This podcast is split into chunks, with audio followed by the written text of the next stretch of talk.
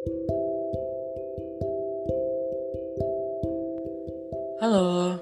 selamat malam. Bagaimana kabarmu? Baik-baik saja, bukan? Oh iya, selain kabarmu, kabar hubunganmu bagaimana? Hubunganmu sama dia, dia yang katanya berhasil memikat hatimu.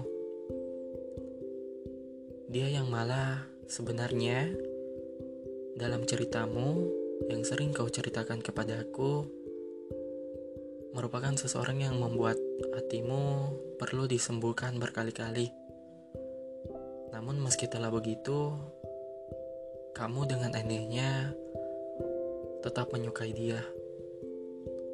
Seorang lelaki yang berhasil menyakitimu mendapatkan hatimu. Sangat lucu ya sebenarnya hidup ini. Bagaimana bisa cinta lahir dari sebuah rasa sakit? Ya, apa pun kabar hubunganmu, aku cuma dapat berharap bahwa kamu dapat menghindari rasa sakit sebaik mungkin, sebanyak mungkin, dan pertahankanlah hubunganmu selama mungkin. Aku, sebagai seseorang yang baru saja memutuskan mengakhiri hubungan, hanya dapat mengharapkan hubunganmu tak berakhir seperti hubunganku.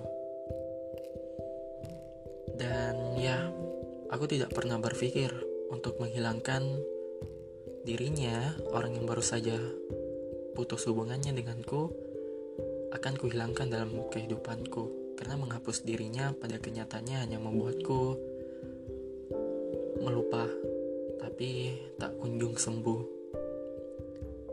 Ya apa pun itu seburuk ataupun sehancur hancurnya hatimu hubunganmu dan hal-hal yang berkaitan dengan dia nantinya akan ada masanya. Akan ada waktunya di mana kamu berpikir bahwa ternyata ada baiknya juga. Ternyata kamu merindukannya juga. Namun, nanti, kelak, semoga saat kamu tersadar bahwa keburukan itu diukir di dalam hatimu, kamu dapat menerima dengan hati yang lapang. Kamu dapat menjadi seseorang yang lebih baik, seseorang yang dari keburukan itu menjadi orang yang mampu menebar kebaikan. Ya wajar bahwa sebenarnya hal-hal demikian perlu proses. Tetapi pada dasarnya manusia itu baik. Kadang kita memandang seseorang baik dan jahat karena perilaku yang kurang mengenakan atau malah terlalu enak bagi kita. Tapi jika seseorang itu menjadikan keburukan yang pernah dialami sebagai sebuah pelajaran, maka aku rasa kamu pun tak memiliki alasan untuk membenci orang tersebut. Karena sederhananya rasa cintamu akan lebih baik rasanya ketika kamu meniadakan rasa benci di dalamnya. Sebab, seburuk apa pun seseorang, jika dia berhasil memikat hatimu, maka setidaknya jangan terlalu membencinya.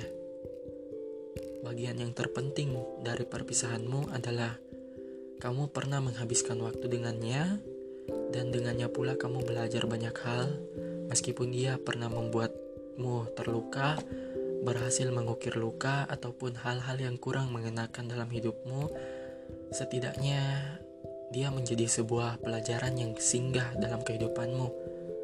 Karena memang begitulah hidup. Tuhan kadang menitipkan seseorang yang sempat membuat kita buruk agar kita belajar bahwa tidak semua hal yang baik selalu baik saja. Agar kita selalu belajar bahwa kebaikan bukan hanya perkara benar dan salah. Begitu pula keburukan Kadang kita berpikir bahwa kita yang paling benar. Pada kenyataannya bisa saja kita yang jahat di situ. Dan kita lupa menganggap orang lain sebagai orang baik. apa pun itu, tolong maknai hubunganmu dengan baik-baik dan tolong lebih terbuka lagi pada hubungan yang ada. Karena dari hubungan yang terbuka, mungkin kamu akan lebih berpikir bahwa hubunganmu dapat bertahan lebih lama. Mungkin itu saja. Salam Tuhan Bams.